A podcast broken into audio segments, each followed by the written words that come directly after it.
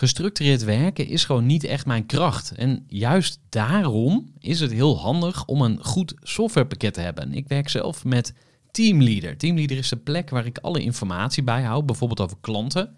Waarin ik offertes maak en verstuur en die digitaal laat ondertekenen. Waarin ik facturen verstuur, waarin ik lijstjes bijhoud, waarin ik projecten kan managen, waarin ik standaard e-mails kan programmeren. Kortom, ik gebruik Teamleader om alle werkprocessen van mijn bedrijf te stroomlijnen. En zeker ook als je met een team werkt, is het heel fijn om over dezelfde informatie te beschikken. Nou, als je ook benieuwd bent of er mogelijkheden zijn om jouw bedrijf meer te stroomlijnen, of je nu alleen werkt of met een team, ga even naar teamleader.nl slash groeivoer en je kunt dan vandaag nog een trial starten voor twee weken lang, gratis. En je kunt Teamleader volledig uitproberen. En na de proefperiode krijg je ook nog zo'n leuke korting als luisteraar van Groeivoer. Ga naar teamleader.nl slash groeivoer. Gooi voor.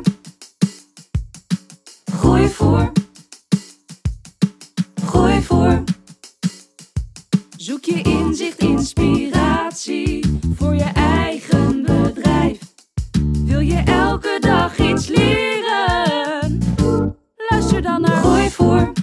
Welkom bij een nieuwe aflevering van de Groeivoer podcast. En ik sta hier met Joost Brugmans. Hij is de co-founder en CEO van Order Champ. En eh, zij zijn bezig met het bouwen van de leidende marktplaats op het gebied van wholesale. Nou, wat wholesale precies inhoudt, dat gaan we straks eh, horen.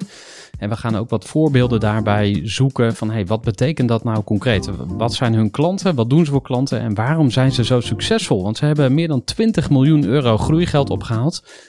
En het zou maar zo eens kunnen dat daar nog meer bij komt. Want ze hebben ook internationaal activiteiten en ook nog grote ambities op dat vlak. Nou, Joost spreekt vloeiend Duits. Hoe dat komt, gaan we misschien ook nog wel ontdekken. Maar laten we gewoon lekker het gesprek induiken. Uh, van harte welkom, Joost. Ja, dankjewel Gerard. Voor de kennis en ideeën van een interessante gast. Die zijn verhaal met jou wil voor. Ja, we gaan uh, in gesprek over groei, over ondernemerschap. Ik heb ook een uh, vraag over leiderschap. Uh, want ja, dat heb je inmiddels ook nodig met 100 mensen in dienst. Maar ik wil even beginnen bij het begin. En dat is een vraag die ik aan al mijn ondernemers stel.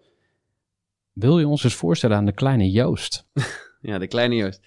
Um, ja, ik denk best wel een, um, een druk kereltje op zich. Uh, ik denk dat ik overal wel energiek uh, naar voren kwam. Um, ik heb uh, toen ik heel jong was, of toen mocht ik meteen naar groep drie ook, na, na, na, een jaar al.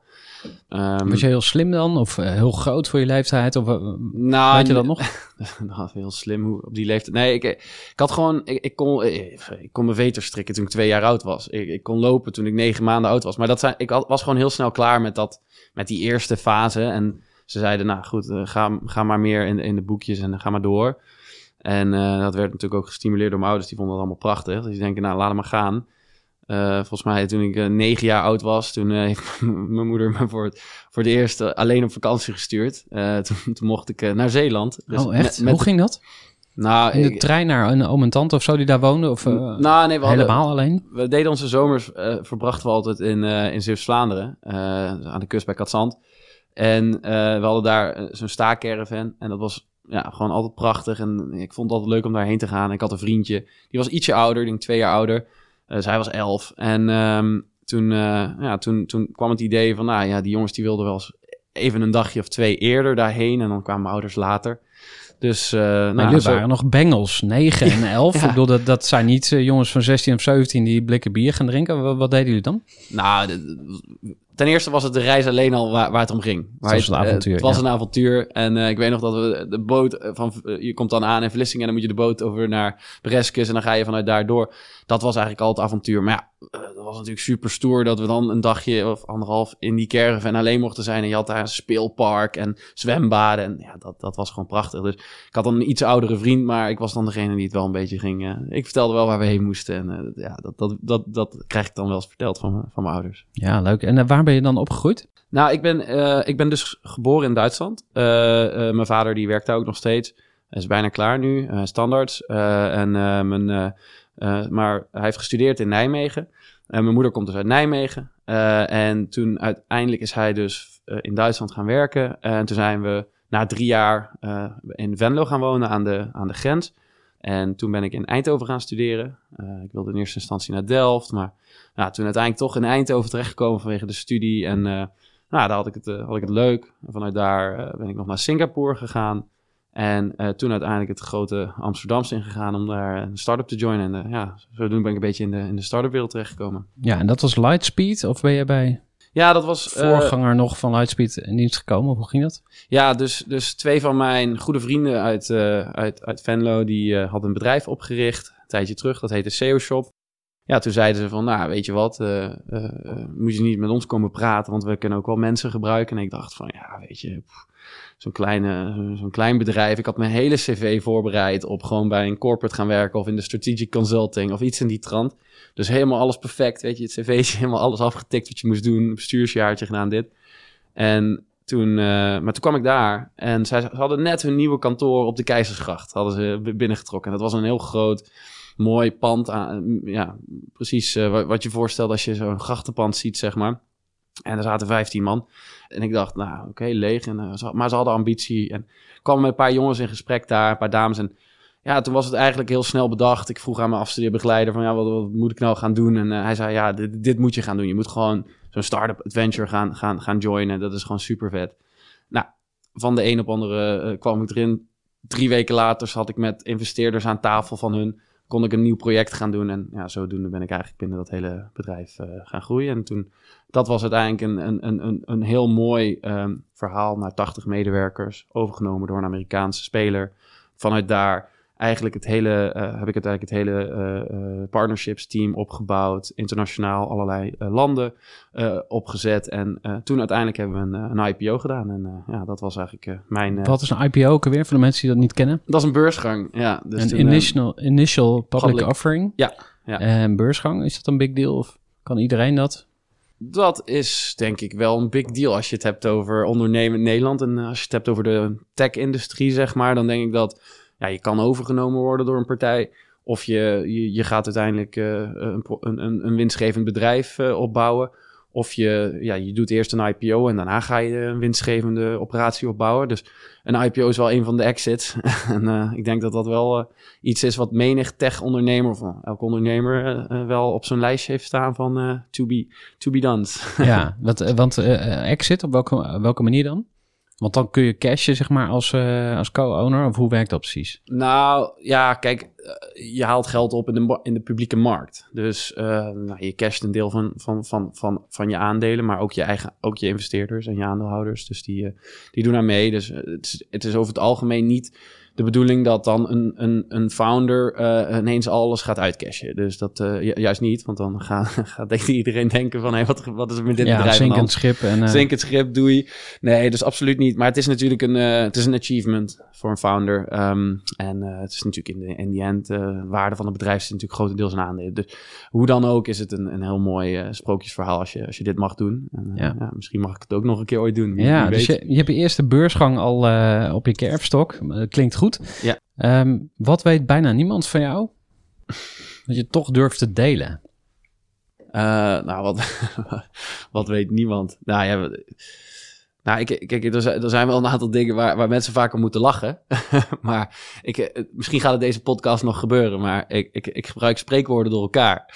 En eh, dat, is, dat is echt een geintje binnen het bedrijf momenteel. Want eh, iedereen weet wat ik ermee bedoel, maar het bestaat eigenlijk niet. Cruyffiaanse Ja, dus... verhaspelingen. nou, dus ik heb van mijn, van mijn co-founder een spreekwoordenboek gekregen. een jaar geleden voor mijn verjaardag. En ja, dat is natuurlijk een geintje, maar het brengt af en toe wel eens wat hilariteit met zich mee. Het zou zomaar kunnen dat het deze, deze podcast nog gaat gebeuren. We gaan, het, we gaan er extra op letten. En, en, wat doe je dan als je niet aan het werk bent? Eh, ja, ik ben wel veel aan het werk. Ehm, maar tijd met mijn vriendin. Eh, we hebben, eh, ik, ik, ik eh, golf een beetje af en toe. een beetje vrij. ik hou van in de natuur zijn.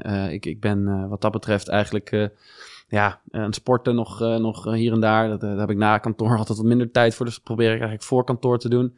Dus dat. Vind je Ehm, dat je veel offers brengt voor het bedrijf? nou, niet offers, want ik, dit is mijn hobby. Ja, nee, dit is mijn hobby. Dus ja, ik noem dat geen offer. Dat is, ja, kijk, hard werken hoort erbij als je dit wil doen. Ik denk niet... Dus Als, dit kan niet in vier dagen of zo. eh, nou ja, wat is de 4-hour workweek? Wat? Nee.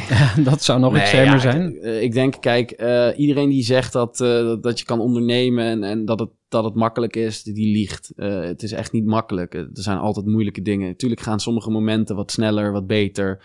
Maar over het algemeen komt er altijd wel weer dat rotsblok waar je, waar je overheen moet. En ja, dat, dat, dat, dat maakt iedereen mee. En ik, heb nog nooit een ondernemer die echt heel succesvol is geworden gezegd van... oh, dit was makkelijk. Nee, ja, weet je, eh, mazzelende cr- cryptohandelaar misschien. Maar weet je, dus ik denk...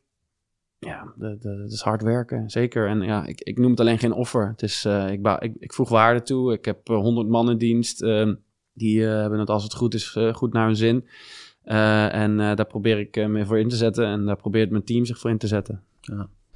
We gaan eh, naar Order Champ. Ehm, misschien heel nog even in, in vogelvlucht, want je noemde het net al even, hè, van, van SEO Shop naar Lightspeed naar eh, Order Champ. O- Mhm. op welk moment ben je dan aandeelhouder geworden? Heb je ergens ingekocht of mocht je met startkapitaal van 1 euro eh, starten of zo? Waar, waar ben je van, van eh, Ja, waar ben je ondernemer geworden? Ja, nou, we hebben, we hebben zeg maar, ik heb, we hebben een, eh, een, een iets andere founding structuur. Want we hadden twee jongens die, die ook vanuit SEO Shop wat, wat exit mogelijkheden hadden. En die hebben op een gegeven moment een groep bij elkaar gehaald weer van, hey, we, we moeten iets nieuws gaan doen. Zodoende is dat eigenlijk dat idee gestart. En nou, in eerste instantie dacht ik, ja, ik zit wel lekker eigenlijk bij Lightspeed. We gingen die IPO doen. Ik denk, nou, het gaat wel goed.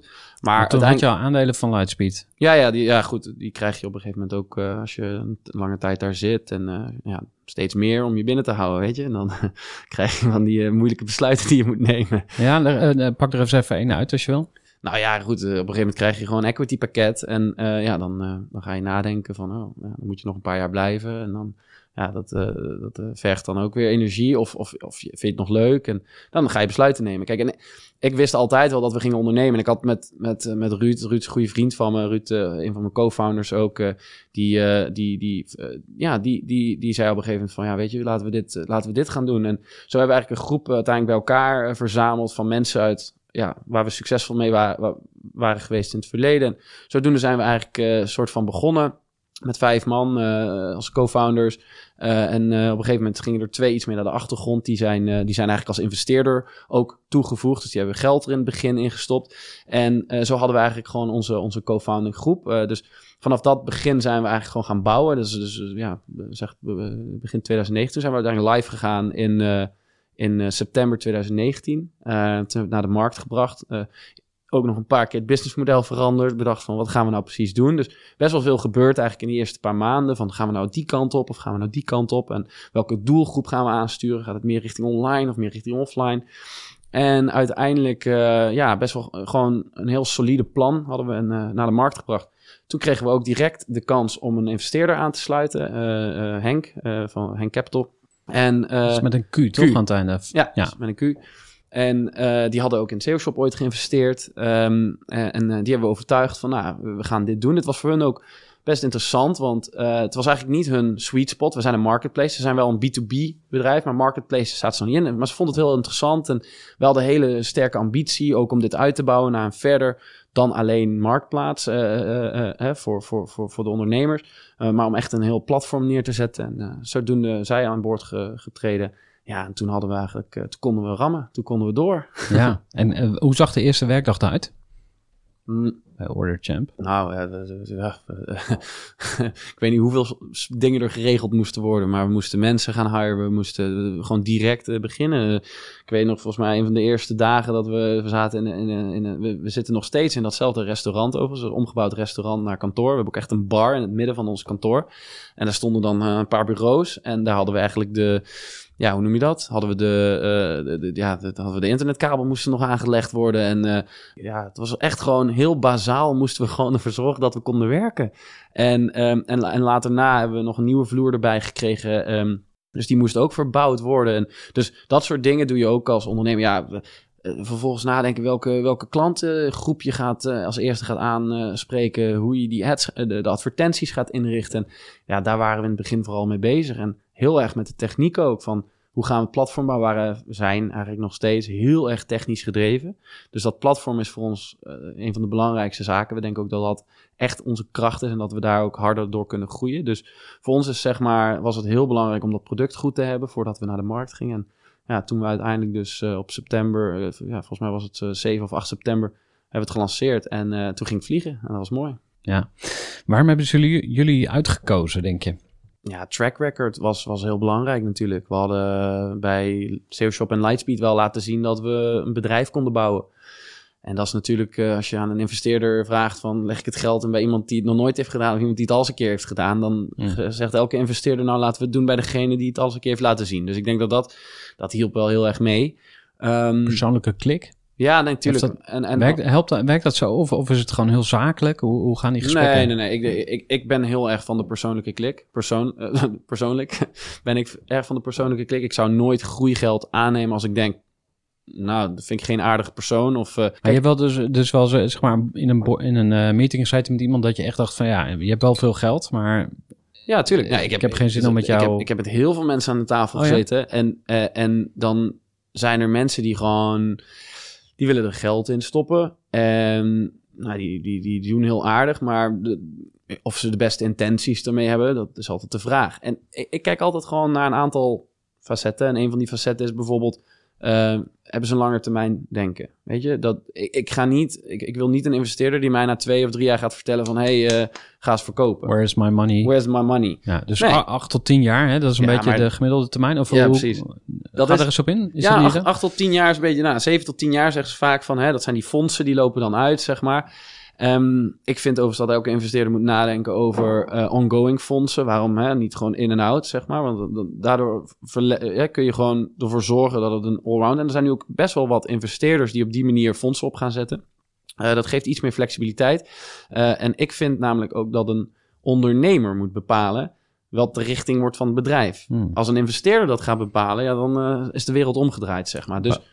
Um, ik denk dat het een goed moment is om ook even uh, uit te gaan leggen wat Order Champ is. Want uh, onze lieve luisteraars hebben dat eigenlijk natuurlijk nog helemaal niet gehoord. Dus wil je eens aan, aan Jip en Janneke uitleggen? Echt, nou, ja. je nichtje van, van, van zeven, van wat doe je nou precies met Order Champ?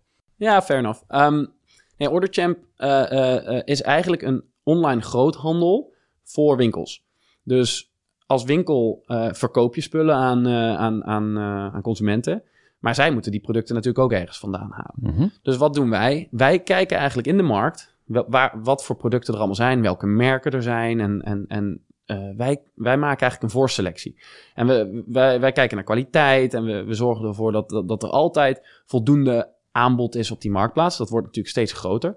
En doordat we dat doen, uh, trekken we ook weer meer retailers aan en meer winkeliers aan die vervolgens die producten kunnen inkopen. Dus op die manier hebben we dus een, een, en dat doen we dus online. Hè? Dus dat, is even, dus we zijn niet een soort macro of Hanos. Nee, we, zijn, we doen dit online. En uh, uh, daarmee ondersteunen we eigenlijk die lokale winkelier en, en, en een klein beetje ook webshops, zeg maar met het vinden van hun nieuwe bestsellers. Omdat wij dus een beetje van die curatie heet dat, hè, die selectie vooraf doen. En we gebruiken natuurlijk allerlei slimme, slimme tools, uh, zoals algoritmes of, uh, of, of, aanbevelingen of technologie, om ervoor te zorgen dat het steeds makkelijker wordt om die producten te vinden, maar ook om de juiste producten te vinden. Mm -hmm. Want heel... De juiste producten die verkopen of de juiste marge exact. hebben? Of... Allebei. Dus, ja. dus precies wat je zegt. Dus uh, de juiste uh, marge, um, uh, maar ook de, de goede producten die, die, waarvan we zien dat ze ook echt daadwerkelijk verkopen. Um, kijk, het is natuurlijk eigenlijk van de zotte dat een ondernemer, kijk, een, een retailer in de basis, die start een winkel uit zijn eigen passie. En die doet dat met een idee, met een visie. En die gaat op eigenlijk op buikgevoel, gaat die producten selecteren en bij elkaar zetten. En daar zijn ze over het algemeen redelijk sterk in, hè? want anders hadden we die winkels misschien al lang niet meer gehad.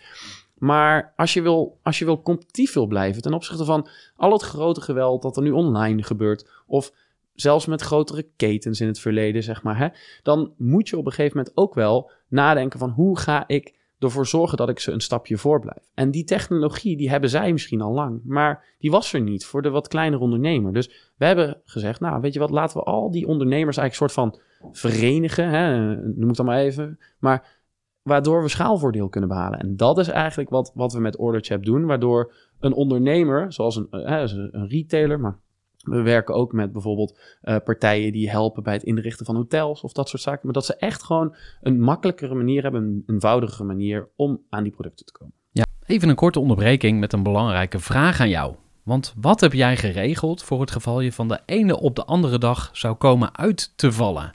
Wat gebeurt er dan met je bedrijf, maar vooral wat gebeurt er met jou persoonlijk en ook in financieel opzicht? Samen met ASR voerde ik drie openhartige gesprekken over tegenslag en veerkracht. En dat deed ik met Saskia, Vincent en Pieter. Ondernemers met een bloeiend bedrijf die van de ene op de andere dag niet meer konden werken. En die verhalen hoor je in aflevering 256, 257 en 258 van deze podcast. Als ondernemer wil je natuurlijk niet uitvallen. En daarom is het belangrijk dat je veerkrachtig bent, want voorkomen is beter dan genezen. En als het dan toch misgaat, is het fijn dat je iets geregeld hebt, zodat je weer snel door kunt met ondernemen. Wil je weten hoe veerkrachtig jij nu bent? Vul dan in twee minuten de veerkrachttest van ASR in. Ga naar asr.nl/slash veerkrachttest ondernemers. Ja.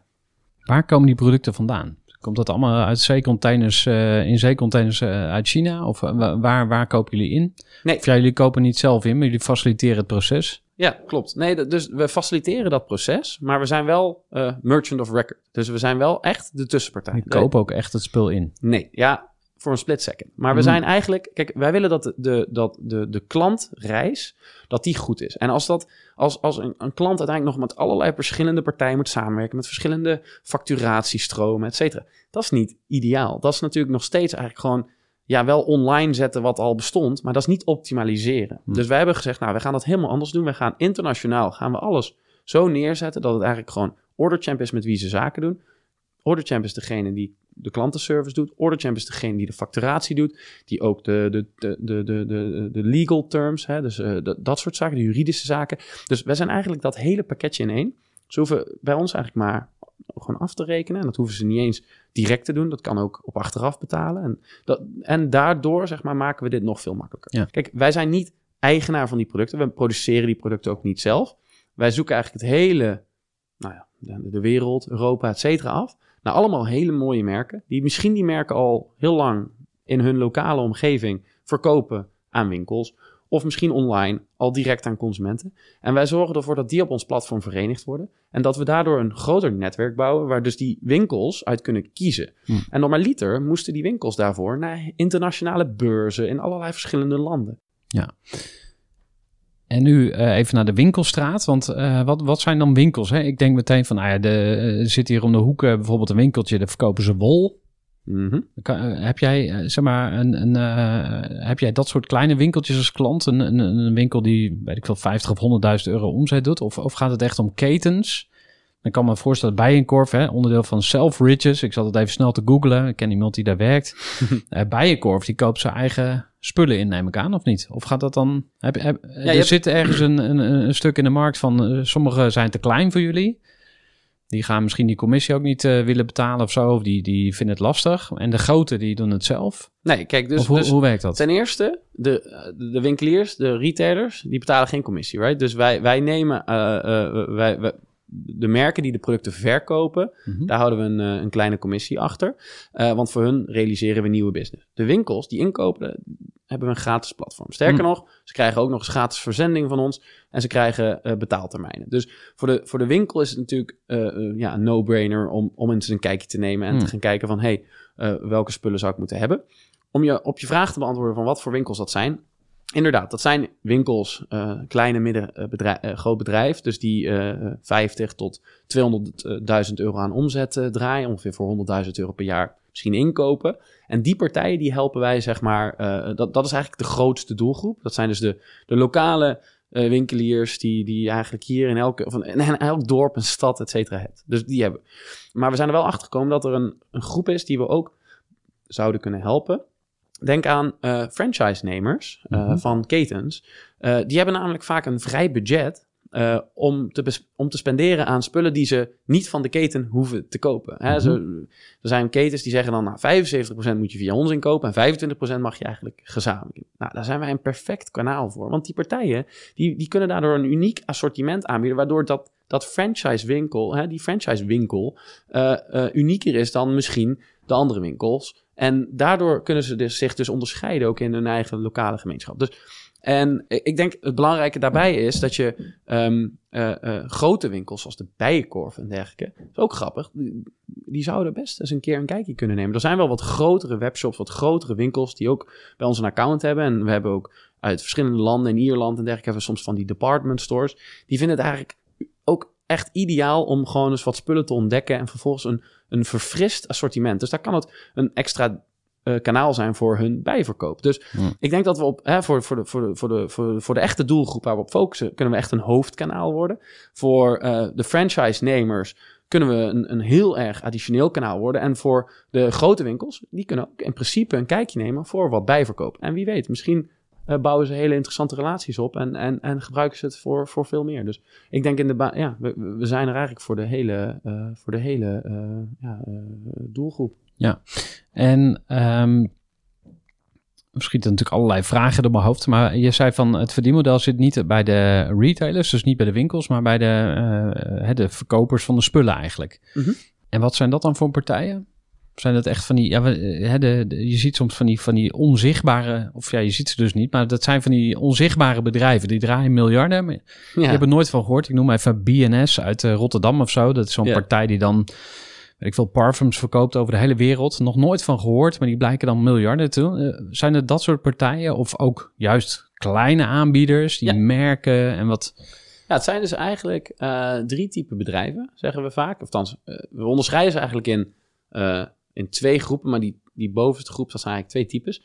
Aan de ene kant heb je eh, gewoon de, de, de wat be- grotere, bekendere merken of eh, eh, grotere established, noemen we dat, partijen. En dan heb je natuurlijk de nieuwe en exciting emerging brands. Dus dat zijn de, de wat nieuwere spelers die, Hmm. die graag wat meer rijkwijd. En voor beide voegen we eigenlijk heel veel waarde toe. Want voor de, voor de, voor de wat kleinere merken, daar voegen wij ontzettend veel ehm, eh, reach. Hè? Dus daar, daar, daar, daar zorgen wij ervoor dat ze heel snel misschien in andere landen kunnen verkopen of in andere regio's of misschien zelfs aan hele nieuwe type klanten. Dus dat is heel interessant. Hmm. Eh, voor de grotere is het ook heel interessant. Want waar we achter zijn gekomen is dat het is ontzettend du- eh, eh, tijdrovend om allemaal kleine winkels te managen via account managers of via agenten of noem het allemaal maar op. En eh, de longtail noem ik dat even. Eh, voor, die, voor die grote merken is het dus heel handig om misschien al die klanten via één platform te, eh, te managen.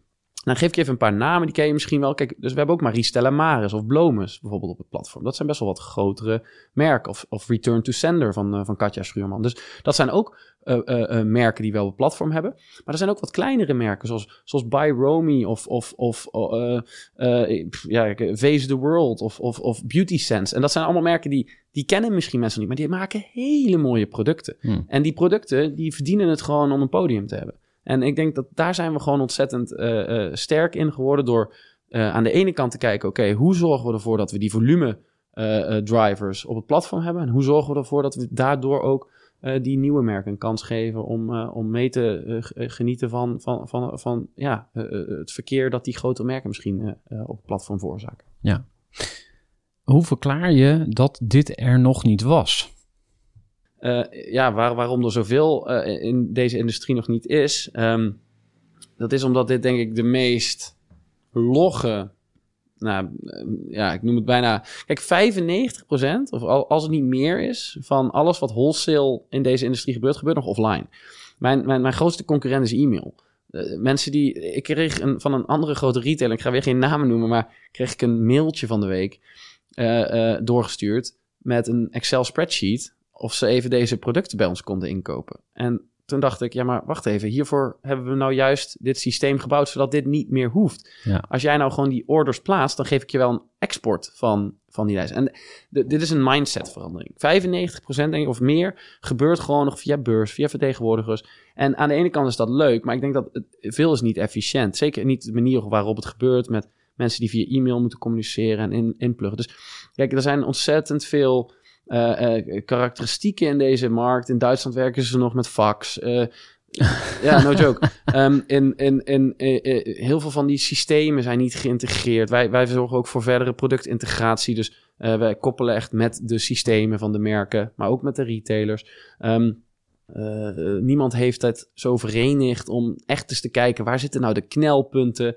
Ehm, als je op een gegeven moment volume hebt, ja, is het natuurlijk logisch om te denken: oké, eh, betalingen en verzendingen, ja, laten wij die op ons pakken, want met veel meer schaal kunnen we dat goedkoper aanbieden. Dus ik denk dat dat de reden is. De, de- er is gewoon niet goed over dit businessmodel nagedacht. En ja, Ja. Iets, iets wat ook al, je moet je ook wel voorstellen, iets wat al, want hoe lang bestaat handel al? Ja, duizenden jaren. En als je teruggaat, ja, veel van die beurzen, de, de traditionele wholesale beurzen, die bestaan al 700 jaar. Dat gaat terug naar de middeleeuwen. Dus Dus dat merk is, je ook een soort van eh, eh, conservatieve krachten die jullie tegenwerken. En die zeggen van, ja, oprotten en we, we moeten jullie niet. En eh, ervaar je dat soort dingen? Nou, kijk, nee, ja, ik- de, de, tuurlijk, je hebt agenten. Hè, dat- zijn de tussenpersonen. Eh, in principe, ja, zijn dat de partijen die, die via, ja, die, die, die, die, die gaan nu naar de winkels toe, et cetera. Nou, ik nodig ze echt heel graag uit om met mij in gesprek te gaan. Hoe ze als, als tussenpersoon voor mij kunnen gaan, gaan, gaan, gaan, gaan Ga jij ze een baan aanbieden? Of, nou, nee, kijk, weet je, we hebben daar echt wel eens eerder over gehad. Je hebt natuurlijk, je- tuurlijk heb je af en toe wat van die negatieve effecten. We, we, we hebben op een gegeven moment eh, met beurzen samengewerkt. En dat werkt gewoon fantastisch. Eh, die beurzen, die waren in het begin van, oh, maar dat is echt een Trojan horse. Maar ik, ik kijk veel meer naar, oké, maar hoe kunnen we allebei waarde toevoegen in de keten? En jouw waarde is dat je producten kan tentoonstellen en dat daar... eh, en, en mijn waarde is dat mensen vervolgens heel makkelijk gewoon die producten misschien kunnen inkopen. En dat het niet meer via een pen en papier op jouw beurs hoeft. Dus Ja. wij, wij, wij hebben ook samengewerkt met de grootste beurzen eh, in, in, in, in Nederland. En we zijn nu in Duitsland aan het kijken hoe we dat het beste kunnen oppakken. Dus ja, ik, natuurlijk zijn die negatieve krachten. Dan denken ze allemaal van eh, wie, wie zijn die jongens en wa- wat gaat dit betekenen voor mij? En, eh, maar iedereen weet ook al lang dat dit de richting is waar het naartoe gaat. Alleen ja, je moet het wel op een juiste manier eh, uitvoeren. Ik eh, wil met je gaan inzoomen op een aantal thema's die met groei en ondernemerschap te maken hebben. En de eerste die ik wil beetpakken is het team en leiderschap. En wat ik aan je wil vragen is om eh, even te schetsen hoe ziet jullie managementteam eruit, jullie leiderschapsteam. Mhm. En ja, wat is jouw visie op leiderschap? Want je bent CEO. Ja. Je vertelde net al even van ja, ik hoef niet per se op de voorgrond of heel erg eh, in de media. Spotlight. Maar je kan er niet omheen natuurlijk. Hè? Ik bedoel, als je die 100 man hebt eh, rondlopen, man, vrouw, vraagteken. Ja, dan kan, je, dan kan je eigenlijk je niet verstoppen. Je moet er echt zijn. Dus ja, hoe ziet jullie team eruit? Wat is jouw rol en hoe pak je die? Ja, kijk, ik denk dat eh, je hebt zeg maar, eh, eh, nou, je begint als, als, als CEO, dan, dan ben je gewoon de janitor, right?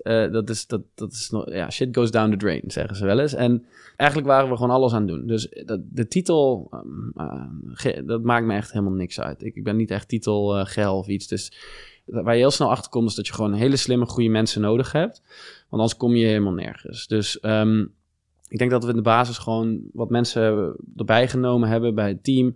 Waar we van dachten, hey, die, die kunnen wel gewoon doorgroeien. En dan kom je op een gegeven moment in een tweede fase. En dus toen heb ik volgens mij een, een head of marketing aangenomen. En eh, op een gegeven moment zijn we een head of sales gaan aannemen. Nou, dus En hoe groot waren jullie toen? ja, ik denk dat we toen, toen mannetje of 20 waren of zo, vijf- 25. Eh, eh, eh, want je wilt toch een beetje je basis. Kijk, je hebt natuurlijk je founders die doen, die doen allemaal die nemen een ownership over een pa- bepaald deel. In het begin is dat nog een beetje, zeg maar, ja, iedereen doet een beetje dat. En, En, en hoe hadden jullie dat verdeeld? Even Ja, voor. Ruud kijk- had je en dan nog iemand? Ja, dus nee, Ruud en Dennis zijn zeg maar de, de twee investeerders die wat meer op de achtergrond zitten. En dan heb je Max en Menno. Ehm, Max die heeft eigenlijk meer op de financiële en operationele kant ge- gefocust. En Menno is echt gewoon onze lead head of de- development. De CTO. ja, precies. Nou, kijk, hij, hij, hij heeft gewoon de hele basis van het platform gebouwd, et cetera. En hij merkte op een gegeven moment ook van, nou, ik moet gewoon slimme developers hebben, want in mijn eentje, dat gaat natuurlijk niet werken. Dus, en Max, die is op een gegeven moment, kijk, die, die deed op een gegeven moment zoveel, die was bezig met de operatie en de financiële kant. Was het van, ja, het wordt te veel. Dus dan, dan ga je op een gegeven moment nadenken, oh ja, dan moeten we er misschien een CFO gaan inzetten. Nou, en dan gaan we, we gingen ook 20 miljoen ophalen, dus ja, dan ga je anders over dingen nadenken. Hè? De getallen worden groter en dan, dan wil je gewoon wat, wat ervaring in het bedrijf hebben. Dus zo, zo is dat eigenlijk organisch gegroeid. En eh, ja, inmiddels heb ik een heel sterk managementteam zitten. Met, eh, met allemaal eh, mensen die heel veel al ervaring hebben in bepaalde specifieke regio's. Ook heel gericht bijvoorbeeld bij andere marktplaatsen of bij investeerders of, of, of bij, of, bij financiële organisaties. Of, dus, en ik heb nu eigenlijk gewoon op elke, op elk departement eigenlijk hebben we gewoon, gewoon één iemand die, die, die, die verantwoordelijk is. En ja, we zijn nu met 100 man en ik ben heel blij dat ik dat managementteam heb gebouwd. Want ja, nu kun je verder gaan bouwen. En ik heb ook iemand in Duitsland eh, eh, verantwoordelijk gezet. En ja, je vroeg me net wat voor, wat voor leider ben. Ja, ik ben ook wel eigenlijk een beetje. ehm, ik ben er wel achter gekomen dat ik eh, niet heel erg goed ben in, in één ding. Ehm, ik ben eigenlijk mediocre, of ik ben eigenlijk mediocre tot goed in, in, in eigenlijk alles. Dus eh, ik kom er al heel snel achter van, oké, als ik bepaalde dingen wil bereiken, ja, dan heb ik mensen nodig die dingen beter begrijpen. Ik kan heel goed mee op elk level. Eh, ik kan ook echt iedereen heel goed challengen. Eh, en misschien tot in het irritatieniveau toe. Want ik ben ook wel heel perfectionistisch. Maar ik, ik besef me al heel erg goed dat ik bepaalde mensen, dat, ik, dat ik die mensen nodig heb. En ja, dus ik, ik, ik ben er ook achter gekomen dat ik het helemaal niet erg vind om dingen uit handen te geven. Maar het is wel zo, als je het, bij mij, als je het gaat doen, dan moet je het wel goed gaan doen. En dan ben ik ook iemand die zegt van luister, verantwoordelijkheid is verantwoordelijkheid, ownership is ownership. En zorg ervoor dat je vervolgens die dingen eh, ja, echt oppakt zoals ik het ook zou oppakken. Met, met passie en gevoel en energie. En eh, ja, dat zijn wel een paar leidraad die ik ook eh, toch altijd wel in de gesprekken met mensen naar voren breng hoe ik erin zit. En dan wil ik gewoon weten of zij er ook zo in zitten. Want anders dan een mismatch dat, zeg maar. Dus, Hmm. dus Ja, ehm, hoe kom je erachter dan? nou ja, gewoon eh, veel, veel, veel- toch veel voorbeelden. En ik, ik, ja, ik ben eigenlijk, eh, ik ben nu ook wat mensen aan het aannemen. En dan eh, voor, voor een nieuwe rol, nieuwe soort, soort, soort, ja, niet echt een managementrol, maar wel een senior rol. En daar moet ik heel veel mee gaan samenwerken. En, en dan denk je, dan, dan, dan ga ik de eerste twee keer doe ik gewoon een half uur interview. Maar dat is geen interview. Dat is gewoon alsof ik met iemand in de kroeg zit. Dat is gewoon, weet je, dan, eh, dan probeer ik even op level te komen. En dan probeer ik even interesses te begrijpen. Wat iemand eh, nou echt leuk vindt, zeg maar. Eh, in dit geval gaat het om een rol die, die gaat eerst specifiek op een paar problemen focussen, maar misschien later na gaat die persoon iets ownen binnen de organisatie. En dan probeer ik er toch al achter te komen van, oké, wat zou die persoon in de organisatie kunnen ownen? Maar dat doe ik niet door een hele cv door te nemen. Dan ben ik gewoon in gesprek met die persoon en dan maak ik zelf gewoon een inschatting van, ja, denk ik dat die persoon dat ook kan en dat ook echt wil. En zo kun je veel makkelijker een besluit nemen, denk ik ook, als je op die manier, zeg maar, eh, ja, erachter komt. Het is niet cv'tje afvinken. Het is ook vaak gewoon een beetje een gevoel dat je erbij hebt. En uh, ja, en, en, en uh, ja, en wat, antwoorden die je krijgt. Wat is je fail rate uh, tot nu toe met personeel? Want dit, dit wordt door heel veel ondernemers als het moeilijkste stuk van ondernemen gezien. Hè? Mensen aannemen. Uh, mensen complexe uh, machine, zou je kunnen zeggen. Hè? De uh, onvoorspelbaarheid is groot. Mm -hmm. ja, we maar, hebben, we hoe, hoe, beoor, hoe, beoordeel jij jezelf eigenlijk op dat punt? In mensen aannemen. Nou, tot, tot, tot een mannetje of 60, 70 deed ik elk interview nog. Dan was ik gewoon ook, ook een stagiair. Sprak ik vaak gewoon nog even, al is het 10 minuten, kwartiertje, half uurtje na een interview. Dan wilde ik gewoon even weten. Ik gevoel vind, krijgen. Gevoel krijgen. En, en uh, ik was ook altijd heel engaged. En, en je, maar op een gegeven moment merkte ik wel, poeh, kan, niet, uh, kan niet meer in elk gesprek. Dus nu behaal ik ook iedere keer als ik dan die in, introductie, uh, want ik geef altijd zo'n introductiesessie. En dan zie ik gezichten en denk oh man, vind ik zo erg eigenlijk dat ik, dat ik ze niet eerder heb gezien. Mm. Terwijl ze al in mijn bedrijf werken. Hoe vaak heb ik de fout gemaakt? Ja, op een hand te tellen misschien. Uh, tuurlijk heb ik wel eens mensen aangenomen waarvan ik later dacht dat was niet handig. Soms dan doe je dat gewoon uit. We hebben gewoon nu iemand nodig. En al pusht hij me de komende zes maanden verder, dan ben ik al heel blij. Uh, heel af en toe, en dat gebeurt gelukkig niet vaak, want ik denk anders waren we hier niet geweest. Uh, ja, dan heeft het negatieve effecten ja, ik heb één, twee hires gedaan waarvan ik dacht, ja, dat was gewoon niet handig. En dan had ik op een andere manier. Maar de, soms dan word je in een richting geduwd. En, dan, uh, en als je dan in die, in die richting blijft, dan ga je in die richting. En dan kom je er, en dan kom je er later achter. Fuck, dat was een hele. Oh, nu heb ik gescholden hier op de podcast. Kan. Maar dan kom je er echt achter van, oh, wat was ik stom dat ik in die richting zat. Want dat is, was helemaal niet de richting. En ja, dat heb ik nu één of twee keer gehad. En dat, dat, is, dat, dat, ja, dat, dat is dan toch, daar leer je dan wel van. Maar, ja. Wat leer je daarvan dan? Ja, wat leer je daarvan? Um, ja, misschien, eigenlijk leer je daar ook niks van. Want dat is eigenlijk ook een gevoeletje. Dat is eigenlijk ook gewoon iets waarvan, ja, dan heb je een fout gemaakt. Ja, de fout heb je gemaakt. Maar het kan zo, misschien bij een andere kandidaat in een andere setting nog wel een keer gebeuren. Wel, denk ik, wat je ervan leert, is gewoon um, misschien accepteren dat dit af en toe gewoon het geval is. En, en dat je dit misschien niet altijd helemaal onder controle hebt. En dat, uh, ja, dat je misschien sneller een besluit moet nemen ook. Uh, misschien eerder afscheid moet nemen. Dat, dat heb ik er wel van geleerd. Want doorsudderen, dat, daar wordt nooit iemand vrolijk van. Zeg Heb je dat eens gedaan dan? Ja, tuurlijk. Nee, maar dat is dus het verhaal, denk ik, waarvan je op een gegeven moment denkt... oh, ik geef het nog een kans. En uh, ja, laten we het iets anders over het andere roer gooien of zo. En dan, en dan kom je er toch achter. En ik denk dat elke ondernemer zich hierin kan herkennen... Uh, dat hij denkt, ja, ik heb het eigenlijk al al, al vier keer gehad dat ik iemand denk, poh, en, dan, en, en niet doet omdat je toch bang bent van, ja, ik moet eigenlijk wel iemand hebben eh, die die verantwoordelijkheid. En als ik die weg heb, ja, hij doet wel bepaald, of hij of zij doet wel bepaalde dingen goed. Eén tip, gewoon cut it, cut it. Hmm. Want het is, je weet gewoon al, het gaat sowieso pijn doen, het blijft pijn doen. Eh, je kan maar beter gewoon clean slate en start again. Want eh, het, het suddert anders gewoon door. Ja. Ja. En je omschreef jezelf als eh, generalist. En eh, ik, ik herken daar dingen van. Ik vind ook heel veel dingen leuk en eh, kan eh, heel veel dingen redelijk goed. En ik heb voor mezelf dan altijd zoiets van, ja shit, ik kan eigenlijk niks echt goed. Nee. Dus daar heb ik wel eens mee geworsteld, dat ik dat, ik dat eigenlijk niet van mezelf accepteerde. Hè? Dus ehm, hoe, hoe is dat voor jou geweest? Ja, eh, dat, is, dat is wel grappig, want ik ben echt mega competitief. En wat ik dan, dan wel eens denk van... Ja, maar ik, ik ben eigenlijk niet echt een topsporter. Want ik, ik ben niet ergens echt de allerbeste in, zeg maar. Dus, eh, en ik had dat wel fantastisch gevonden misschien. Ehm, maar ehm, ja, ja wie, wie weet komt het bij mij nog. Ja. Of eh, ben, ik, ben ik toch... Ja, eh, we bouwen ook wel een mooi bedrijf natuurlijk. Kijk, ja, misschien is dat wel gewoon een van de dingen. Maar ja, daar denk ik wel eens over na. En, en ja, je wil, ik wil gewoon winnen. Ook, ook natuurlijk binnen de markt, binnen dit bedrijf. We willen iets heel moois neerzetten. Dus ja, dat is, zo denk ik er wel over. Ja.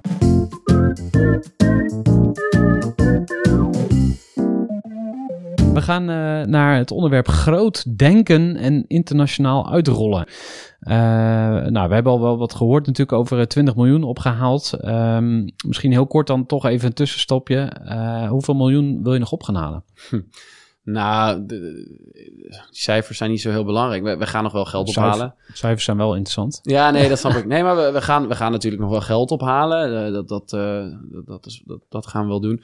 Ehm, maar ik haal geen geld op om het geld op te halen. En ik heb de laatste keer een, ook een interview gehad. En toen vroeg iemand me van, ja, maar je wilt toch een hoge waardering? En toen zei ik, ja, maar die waardering, joh. weet je, wat is nou een waardering? Een waardering eh, is, is, is, een stukje dilution, eh, verwatering op je cap table. Ehm, maar het echt om gaat, is gewoon de waarde die je in het bedrijf hebt, zeg maar. En wat, wat, je, wat, je, wat je betekent voor je klanten.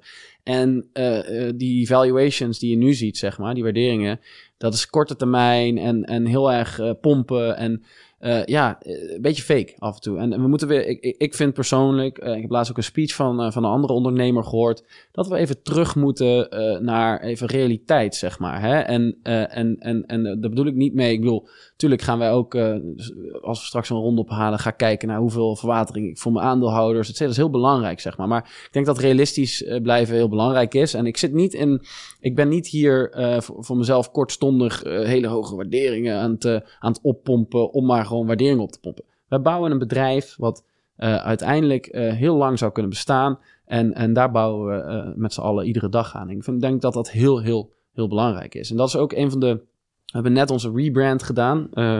Een van onze belangrijkste projecten, denk ik, van, van, de van afgelopen kwartaal. Hebben we vandaag gelanceerd. En ehm, we hebben ook onze vier nieuwe kernwaarden gepresenteerd. En één daarvan is, nou, denk groot, hè, ambition. Eh, dus eh, dat is wel toepasselijk trouwens dat je daarmee kwam. Dus moest er ook meteen aan denken, zeg Ja. maar. Uh, maar iets anders is, eh, wat, wat we zeggen is, hè, grow together. Dus werk samen, want samen kom je verder. Een andere is, do the right thing. Weet je, responsibility. En dat vinden we gewoon heel belangrijk. En, en de laatste is push boundaries. Dus ga altijd een stukje verder. En dat zijn vier hele, hele goede kernwaarden. Die zitten eigenlijk, in- in- in- ja, het is toevallig ook dat uit allerlei surveys die we binnen, binnen het bedrijf hebben gedaan, maar ook binnen management, kwam, dit naar voren. En het zijn ook bepaalde dingen die ik al eigenlijk jarenlang i- in mijn eigen gedachten heb van hoe, hoe ik wil dat bepaalde dingen lopen. En ik denk dat dat heel belangrijk is. eh, ook in de, ja, het hele investeringsverhaal van do the right thing. En, en zorg ervoor dat je een, een, een healthy, sustainable bedrijf wordt, wat in de lange termijn ook nog kan bestaan. En niet alleen maar een bedrijf bouwt. Voor eh, niet, niet alleen maar aan de aandeelhouders. Ja. En dan kom ik terug bij de vraag van... Sorry, hoe- aandeelhouders. dan kom ik terug bij de vraag hoeveel geld eh, denk je, of dan ga ik hem anders formuleren. Hoeveel geld denk je nodig te hebben om eh serieuze footprint te krijgen of echt nog veel eh, verder door te groeien in het buitenland? Nou, we zien wel dat we in Duitsland hebben we hele goede tractie. Is nu groter dan Nederland, dus dat ten eerste. Ehm, Eh, en dat kan ook betekenen dat Nederland nog te klein is. Maar nee, maar om, om even die vraag, die vraag is, is lastig te beantwoorden. Ja, je kan voor beide personen die dit zeiden, kun je wat zeggen. Het, het is ook nog niet bepaald. Uh, ten eerste, we gaan uh, nu zeven markten gaan we, gaan we, gaan we, gaan we bekijken. om, om, om een stap te gaan zetten en te kijken van waar hebben we straks de beste tractie, zodat we ergens mid dit jaar kunnen zeggen van nou, die, die, die paar landen willen wij gaan ownen. Um, ga ik ook nog niet vertellen. Want Alle continenten? Beetje... Nou, we, we zouden wel meerdere continenten kunnen gaan doen, maar dat heeft te maken met het feit dat wij net een, uh, een eigen distributiecentrum hebben opgezet. Dus wij zouden ah. ook merken uit andere continenten nu naar Europa kunnen halen. En daarmee weer, wat ik net zei, dat stukje merchant of record, die hele klantjourney, omdat we die, die eigenlijk ownen, kunnen wij dus ook uh, dit nog groter aanpakken. Nou, dat is een van de bedrijfsstrategieën die, ja. die we nu net hebben gelanceerd. Um, maar ja, hoeveel geld ik daarvoor nodig heb. Kijk, uh, aan de ene kant ben ik uh, op sommige stukken al heb ik een, heb ik een contributiemarge, hè, dus die is positief. Uh, en dat betekent je verdient een beetje geld wat, waarmee je een stukje van de overheid terugverdient of zo? Moet ik het nee, nee, contributiemarge, leg dat ja, even uit.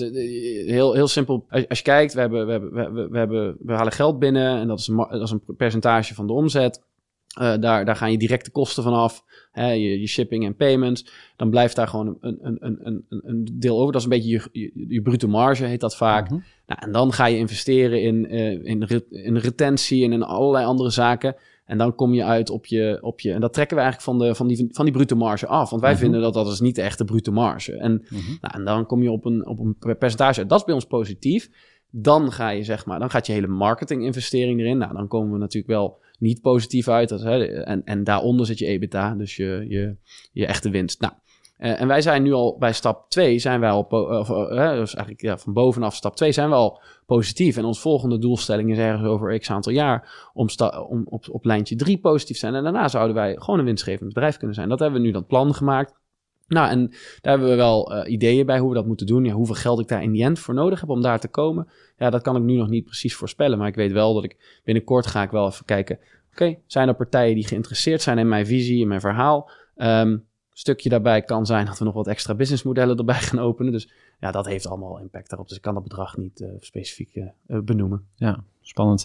We gaan het in de gaten houden, want uh, je bent af en toe in de media, zo ook in deze podcast. Um, dus interessant om te blijven volgen. Ik wil nog even met je naar persoonlijke groei, want waar wil jij nog in ontwikkelen? Mm -hmm.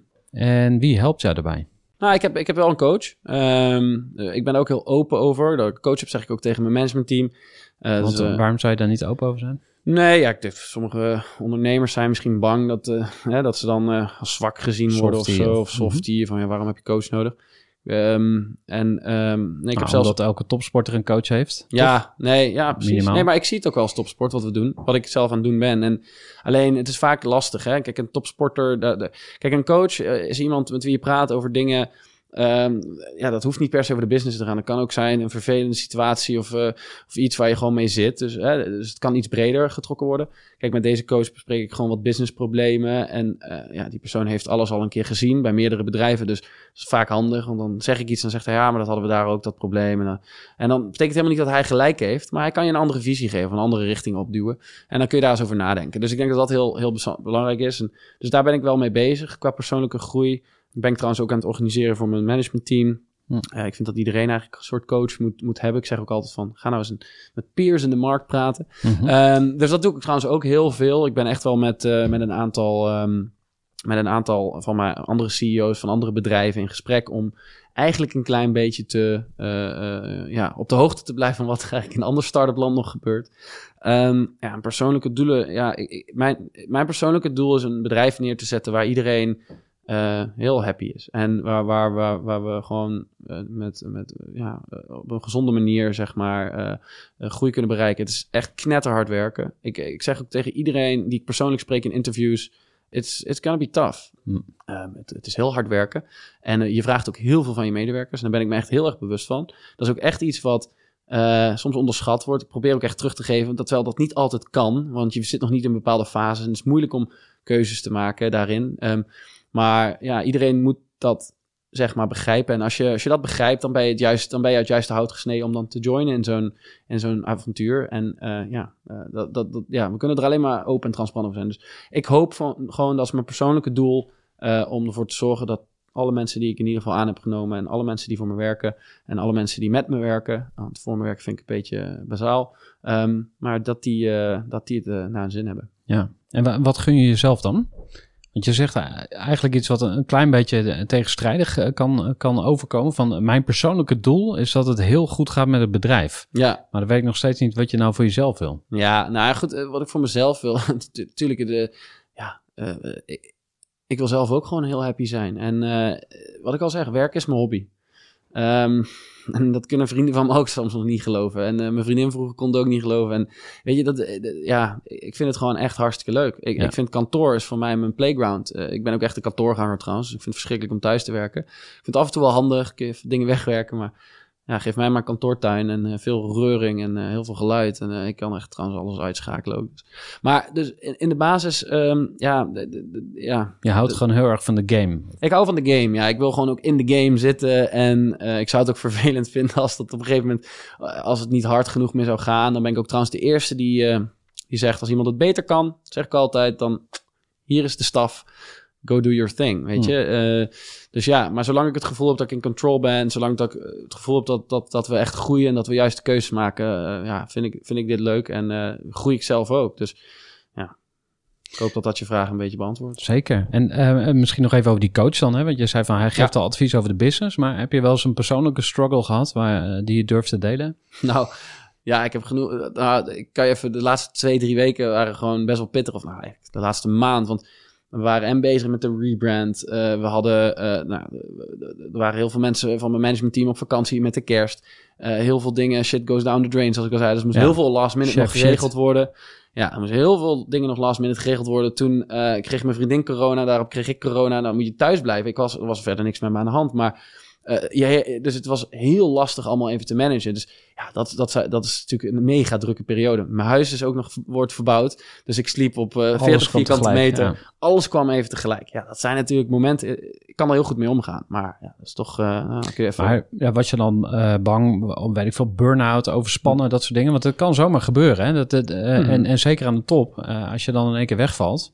Nee, maar ik denk, ja, ik, ik- dat, dat zegt ook mensen wel eens van, ja, je moet echt oppassen voor een burn-out. Ehm, ja, ik, heb, ik kan echt wel heel veel druk aan. Dat, dat, eh, dat, dat, dat kan ik al heel lang. Dat weet ik ook, zeg maar, van mezelf. Ehm, maar ik ben ook echt, ik weet ook wanneer ik moet uitzoomen.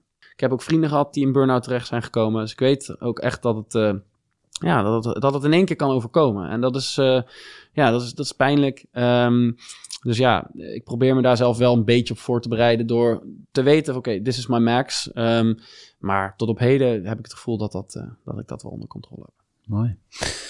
Laatste vraag. Als je terugkijkt op jouw ervaring tot nu toe. Als ondernemer, als mens. Hè, we begonnen met het verhaal van het jongetje van negen die eh, in zijn eentje op reis gaat. Eh, dus je hebt al, ja, toch alweer wat jaartjes erop zitten. Maar wat zijn nou jouw beste drie lessen over ondernemerschap en misschien ook over het leven? Nou, kijk, eh, de eerste is onze nieuwe, is eigenlijk onze nieuwe, eh, is, is think big. Is gewoon groot denken. De, toen wij begonnen met Order Champ, eh, de, de wereld is zo snel tegenwoordig.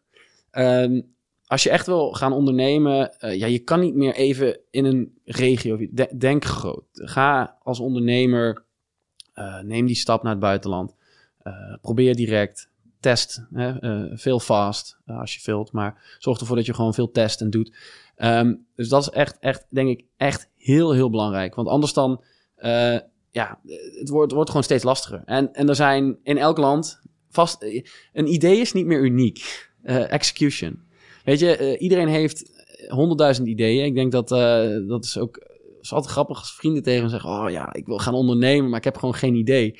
En dan denk ik echt van... Het idee is nooit het probleem. Het idee is echt niet het probleem. Eh, eh, weet je, eh, dat, dat is niet het probleem. Het is het durven, het doen en het gaan doen. Maar goed, dus, dus ik denk denk groot is een hele belangrijke. Ik denk, ehm, wat ik net ook al heb gezegd, huur de beste mensen in op, op, tijd. Want eh, zeker als je iemand bent die best wel een generalist is, maar weet je, mediocre at it, ja, mediocre to good at its best. Maar dat is zeg maar voor mij echt wel belangrijk. Zorg ervoor dat je gewoon het juiste talent hired. Het is moeilijk nu ook in deze markt.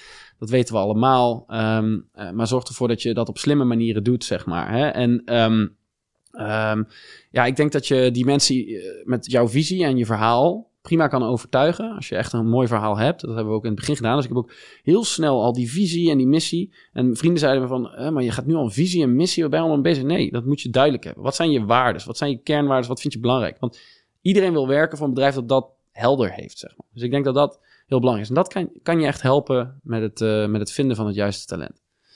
Dus um, maar je moest nog een derde. Mag, de bonus tip. De bonus tip. Get ja. a coach? Of, uh... Nou, nee, ik, ik, ja, ik heb...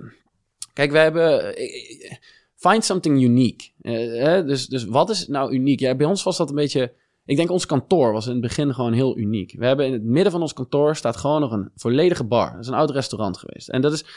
Kijk, uh, ja, ik denk dat... En die hebben gewoon laten staan. Die dus... hebben gewoon laten staan. En we hebben daaromheen ons kantoor gebouwd. En um, ik denk dat dat heel erg goed helpt in het begin. Kijk, niet iedereen heeft de kans om in een restaurant een kantoor op te zetten. Uh, maar dan doe het op een andere manier. Maar vind iets unieks in je, in je, in je organisatie wat, wat jou uniek maakt, zeg maar. Hè? Uh, Office in the Bar is natuurlijk een fantastische slogan. Dus ja, dat, en dan foto's erbij. Um, maar ik denk dat als je... Het gaat, meer om de, het gaat mij meer om de metafoor. van, hè, wel de Office in the Bar. Andere mensen hebben misschien andere dingen. Maar je, je moet wel iets... Je moet wel een beetje een ja, uniek karakter hebben. Of iets, iets, iets hebben waarvan mensen denken... Hey, that's, that's different. En ik denk dat dat heel belangrijk is. Joost, dankjewel. Ja, dankjewel jij Gerard voor de uitnodiging. Graag gedaan man. Ja, tot zover deze aflevering van de Groeivoer podcast. Ik hoop dat je er weer veel inspiratie uit gehaald hebt. En ik wil je heel erg bedanken voor het luisteren. Ik ben ook op zoek naar manieren om deze podcast te laten groeien. En daar kan ik jouw hulp goed bij gebruiken. Een van de manieren waarop je mij zou kunnen helpen is door deze podcast door te sturen naar iemand in jouw netwerk. Wat ook heel fijn zou zijn, is een review op iTunes. Dus als jij een review op iTunes achterlaat, dan komt de Groeivoer podcast hoger in de ranking. Ja, tot slot nog een paar manieren om te verbinden met elkaar. Want daar gaat het in ieder geval in mijn leven heel vaak om, om verbindingen maken om te beginnen op LinkedIn. Dus als wij nog niet met elkaar verbonden zijn, voeg me dan ook even toe op LinkedIn. Mijn naam is Gerhard te Velde. Als je ondernemer bent met een team, met personeel, dan nodig ik je ook van harte uit om een keer langs te komen bij de Groeiclub voor Ondernemers. De Groeiclub voor Ondernemers is een soort intervisiegroep, een mastermindgroep, een denktank, hoe je het ook wil noemen, die elke maand bij elkaar komt en daar kun jij als gast bij zijn. Dus als je ondernemer met een team bent en groeiambitie. En je denkt, hey, ik wil wel eens kijken of die groeiclub wat voor mij is. Kom dan gerust een keer langs. Stuur mij even een berichtje als je interesse hebt. Ja, tot slot kun je sowieso altijd inschrijven voor de gratis online community groei.club. Surf even naar groei.club en je vindt daar allerlei handige tools waarmee je aan je eigen groei kan werken, maar ook aan het laten groeien van je bedrijf of je teamleden. Nou, dan zijn we nu echt aan het einde gekomen van deze aflevering. Graag tot een volgende aflevering. Doei doei. Gooi voor. Gestructureerd werken is gewoon niet echt mijn kracht. En juist daarom is het heel handig om een goed softwarepakket te hebben. Ik werk zelf met Teamleader. Teamleader is de plek waar ik alle informatie bijhoud, bijvoorbeeld over klanten waarin ik offertes maak en verstuur en die digitaal laat ondertekenen, waarin ik facturen verstuur, waarin ik lijstjes bijhoud, waarin ik projecten kan managen, waarin ik standaard e-mails kan programmeren. Kortom, ik gebruik Teamleader om alle werkprocessen van mijn bedrijf te stroomlijnen. En zeker ook als je met een team werkt, is het heel fijn om over dezelfde informatie te beschikken. Nou, als je ook benieuwd bent of er mogelijkheden zijn om jouw bedrijf meer te stroomlijnen, of je nu alleen werkt of met een team, Ga even naar teamleader.nl slash groeivoer en je kunt dan vandaag nog een trial starten voor twee weken lang, gratis. En je kunt Teamleader volledig uitproberen. En na de proefperiode krijg je ook nog zo'n leuke korting als luisteraar van Groeivoer. Ga naar teamleader.nl slash groeivoer.